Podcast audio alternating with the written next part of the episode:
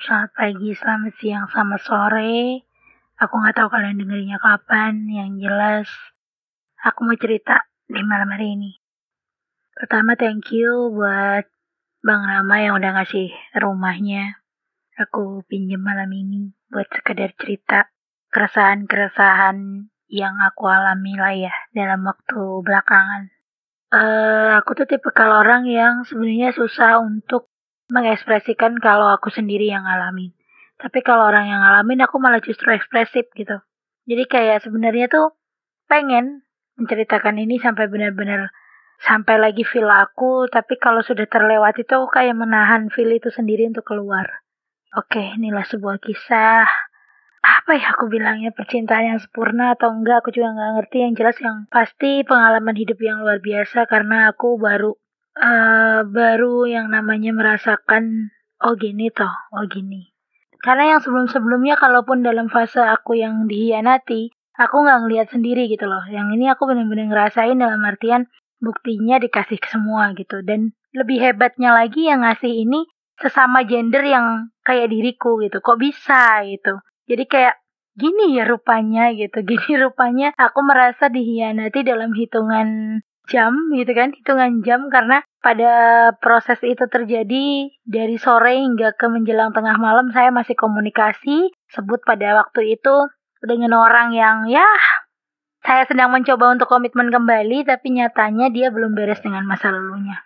Dan yang aku bingung tuh mau ceritanya dari mana ya perasaan ketika kita dulu dulu bukan dulu bahkan sampai detik ini ketika kasusku ini berjalan tuh beriringan dengan kasus-kasus para selebriti yang luar biasa dahsyatnya ya kan? Diselingkuhi di sini di situ dihianati KDRT dan lain-lain. Jadi aku tuh ngerasa yang aku alami itu sebenarnya juga sudah ke apa sudah pengkhianatan berupa KDRT tapi secara mental.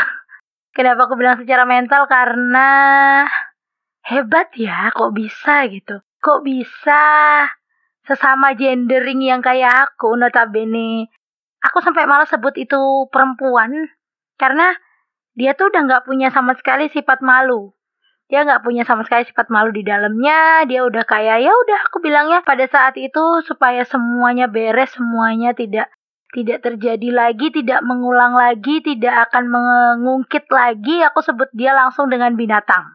Kenapa aku bilang binatang, aku tambahin jalang karena sifatnya sudah tidak ada menggambarkan sama sekali seorang perempuan. Oke. Okay. Satu kasus ini di mana aku benar-benar merasakan gini ya rasanya jadi uh, istri sah yang mungkin diselingkuhi oleh suaminya. Oke, okay, ceritanya malam itu Doi, someone aku pada masanya, wih, sebut someone gak sih? Terlalu keren rasanya aku sebut someone itu. Jadi aku bilangnya seseorang aja lah ya. Seseorang yang baru hitungan bulan komitmen dengan saya, dengan aku. Karena notabene dia pernah menjalin sudah uh, rumah tangga yang retak, yang gagal. Dengan si binatang jalang ini sampai detik di mana aku merasa akulah yang sebagai bahan permainan mereka berdua. Aku memberi kado ulang tahun ke dia dalam bentuk format suara dan video yang aku buat sendiri dengan puisi di dalamnya. Malam itu, dia dapat kado istimewa, tubuh yang entah aku mau bilang indah atau tidak, yang jelas kamu dapat hadiah tubuh dari masa lalumu. Yang seharusnya itulah yang kamu telan untuk jadi bahan puasa sebelum kita berjumpa. Karena jujur, komitmen kami sudah diberi arahan oleh dua keluarga besar yang kalau kalau saja Allah tidak begitu baik sama seorang aku akan terlaksana di akhir tahun. Cincin sudah dipesan dan apa ya? Aku tuh jujur pas sudah dikasih ruang gini sama Bang Rama malah nggak bisa nangis. Tapi pertama kali cerita sama teman-teman abang-abang semua yang saat itu aku bener-bener kalut itu baru dua hari setelah kejadian aku cerita sama ya mungkin salah satunya juga Bang Rama di sini aku minta pendapat sebagai seorang perempuan patutnya harus bersikap seperti apa dikala hubungan yang sudah diberi alur dua belah pihak keluarga ya walaupun belum secara langsung bertemu tapi sudah saling memberi support satu sama lain nyatanya justru malah dijadikan bahan candaan. Kenapa aku bilang bahan candaan? Karena setelah kejadian itu berlangsung tidak ada niat kejujuran dari si laki-laki hanya bilang, aku takut kamu marah. Jadi aku coba menahan hal itu untuk tidak diceritakan dan aku akan menceritakan ketika kita sudah dalam kondisi berdekatan. Bayangkan kejadian itu sudah meluluh lantahkan isi hatiku, dia masih bilang takut untuk menjelaskan Malam ketika sebelum kejadian itu terbongkar semua oleh si binatang jalang karena mengirim semua bukti apa saja yang mereka lakukan pada malam itu, membuat aku udah gak bisa ngomong lagi. Aku udah gak bisa nangis lagi. Karena jujur sebenarnya pengen nangis, tapi udah gak bisa nangis sekarang.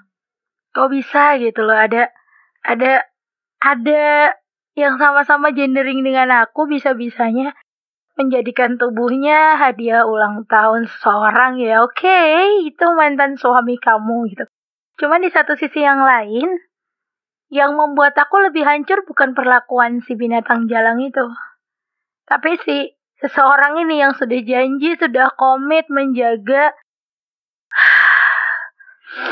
di sebalik semua hal yang aku rasain, mami itu aku bener-bener anggap gini Gini ya rasanya jadi seorang istri sah dihianati, diselingkuhi oleh suaminya. Padahal pada saat itu aku masih uh, anggaplah seorang pacar gitu kan ya. Walaupun aku sendiri rasanya tuh jijik untuk bilang pacaran karena di usia aku sekarang aku tuh nggak pengen nggak pengen banget denger istilah itu. Kalau ada memang niat yang baik untuk menjadikan aku bagian hidupnya ya aku seperti itu komitmen yang aku jaga gitu. Malah ternyata di sebalik aku mempersiapkan diri, mencoba bangun di tengah malam, ingin mencoba menelpon tahu apa yang dikatakan oleh binatang jalang itu. Ketika telepon dia berdering, kami sedang bersama. Kami sedang apa? Kami sedang ah ya intinya mereka sedang bersama setelah melakukan apa yang seharusnya tidak dilakukan karena mereka sudah dalam posisi bukan suami istri.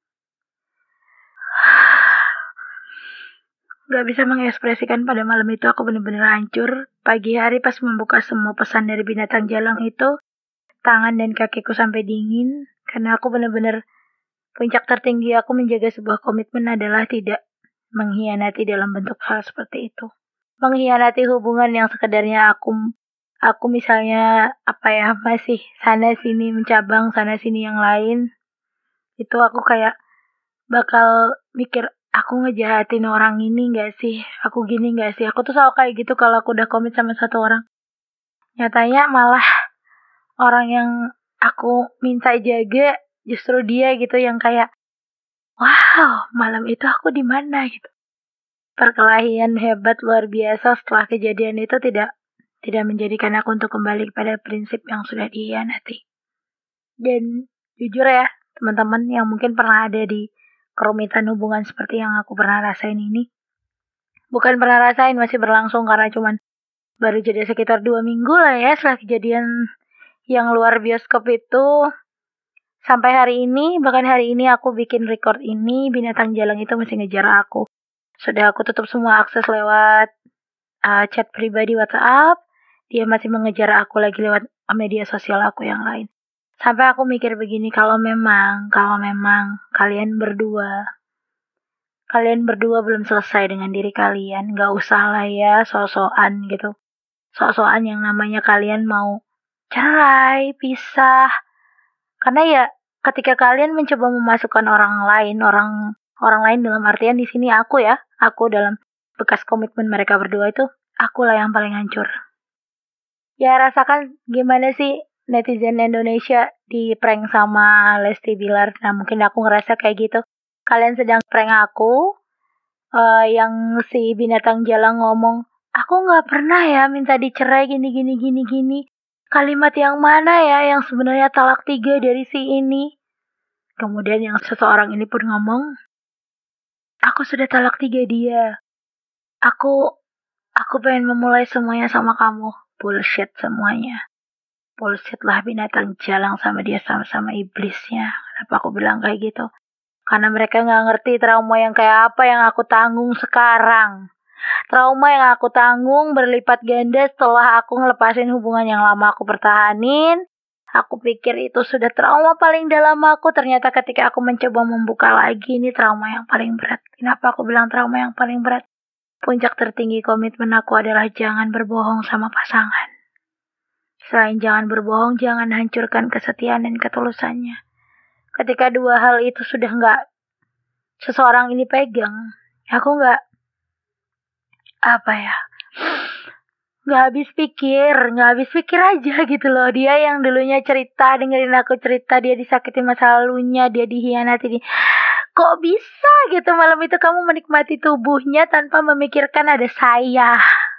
Ada saya yang notabene oke, okay, saya masih dalam bentuk suara gitu. That's true satu yang dia lupakan bahwa walaupun aku dalam bentuk suara, tapi aku percaya ketika kamu rindu sama aku sekarang, kamu gak akan dapetin aku di orang lain. Dan hari ini, karena aku sudah mulai mencoba berdamai dengan diriku, aku mencoba sesuatu akses yang aku tutup, aku buka lewat sosial media yang tidak terlalu pribadi lah, anggap seperti itu. Seorang ini masih ngechat dan bilang apa? Aku lagi sakit. Terus kalau kamu sakit, kamu gak mikir gimana aku kemarin itu sakit atau enggak? Kamu mikir nggak aku sakit atau enggak pada malam itu gitu? yang aku tuh nggak pernah gelisah, nggak tidur semalaman. Aku pikir kenapa? Sampai aku dapati semua bukti-bukti mereka tidur bersama, mereka masih merencanakan itu menjadi seorang bayi. Kacaunya lagi, mereka sudah dalam posisi talak ketiga, walaupun keduanya sana sini A, B, C. Kalau orang sudah talak ketiga, yang dia lakukan malam itu adalah zina. Zina sehina itu aku sampai nggak bisa ngomong. Tuhan aja maha pemaaf. Masa kamu gak mau maafin? Aku bukan gak mau maafin, tolong tebus dosa kamu. Tebus dosa kamu sebersih-bersihnya. Kalau bukan, kalau memang aku gak kembali, itulah cara kita. Kita gak akan bersatu. Kamu yang hianati komitmen aku malam itu. Aku di sini menjaga gitu loh. Kamu di sana tidak terjaga, bahkan kamu menikmatinya. Konyolnya si binatang jalang ini tanpa sedikit pun rasa malu mengeluarkan semua bom waktu yang dia simpan selama 10 tahun. Jadi aku benar-benar kayak ngerasa dipermainkan tau gak sih? Ngerasa dipermainkan dalam hubungan yang kalian kalau mau nyari istri kedua jangan aku. Aku gak ikhlas kamu bandingin sama seseorang yang gak tahu value-nya. Yang aku aja males sebut dia itu perempuan. Karena kalau emang dia perempuan, dia tahu cara memperlakukan dirinya. Terserahlah. Kau bilang apa janda ini? Aku aku sampai nggak pengen judging ya.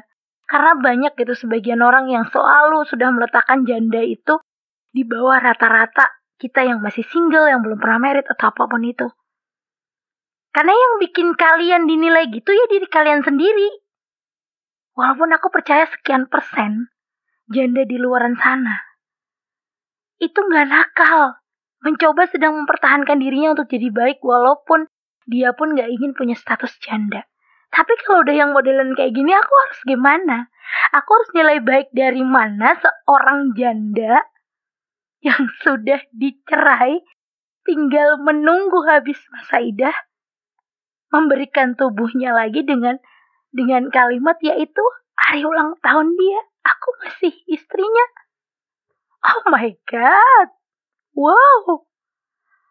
Saya mau ngomong apa gitu sebagai orang yang baru masuk ke kehidupan kalian yang ternyata kalian belum beres dengan perasaan masing-masing. Jadi pesan aku satu ya teman-teman. Kalian jangan pernah deket-deket sama seseorang yang belum beres sama masa lalunya.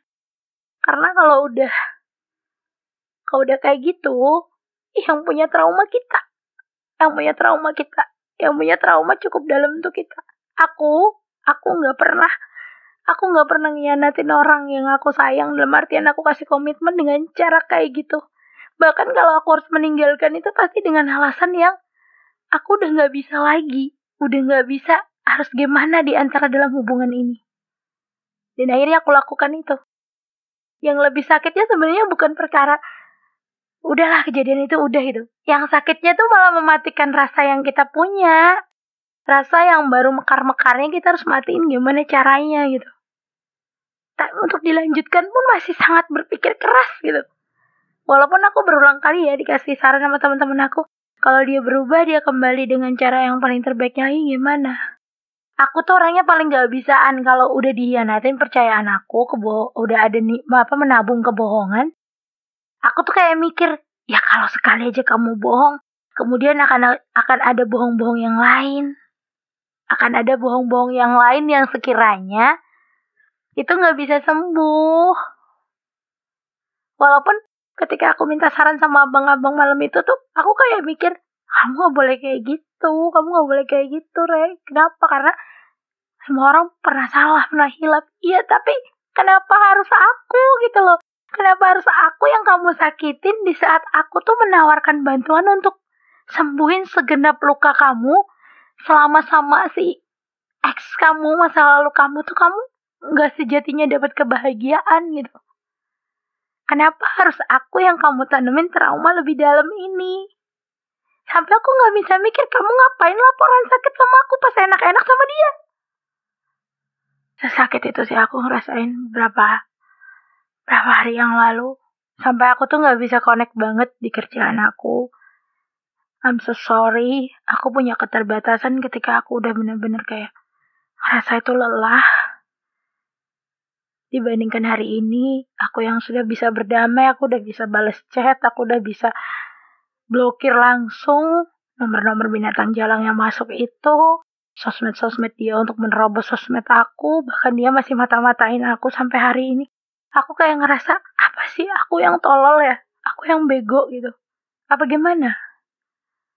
Walaupun udah banyak nasihat yang masuk di kepala aku udahlah dia bukan yang terbaik dia iya aku tahu dia bukan yang terbaik makanya Tuhan ngasih tunjuknya cepet banget. Tapi ketika aku yang udah gagal beberapa kali karena terhalang restu orang tua ketika dapat jalan dengan orang tuanya begitu sangat baik diterima tapi malah anaknya yang goblok ya aku bilang tolol banget. Ya aku bisa apa gitu? Selain trauma yang selapis itu itu yang paling berat ditambah lagi trauma kemudian. Ada nggak sih masih laki-laki yang bisa dipercaya aku tuh udah krisis trust isu aku udah sebanyak itu beneran. Sebanyak itu aku untuk bilang ada nggak laki-laki yang bisa dipercaya? Aku sampai ke situ udah. Selain bokap aku selain ayah aku selain kakak aku aku kebingungan banget nyari laki-laki yang masih bisa dipercaya nggak sih? Ketika aku ngasih seutuhnya kamu cuman ngasih sebutuhnya. Pas seperlunya doang gitu. Kayak It's okay, it's okay, gak apa-apa. Lagi-lagi aku yang, aku lagi yang salah.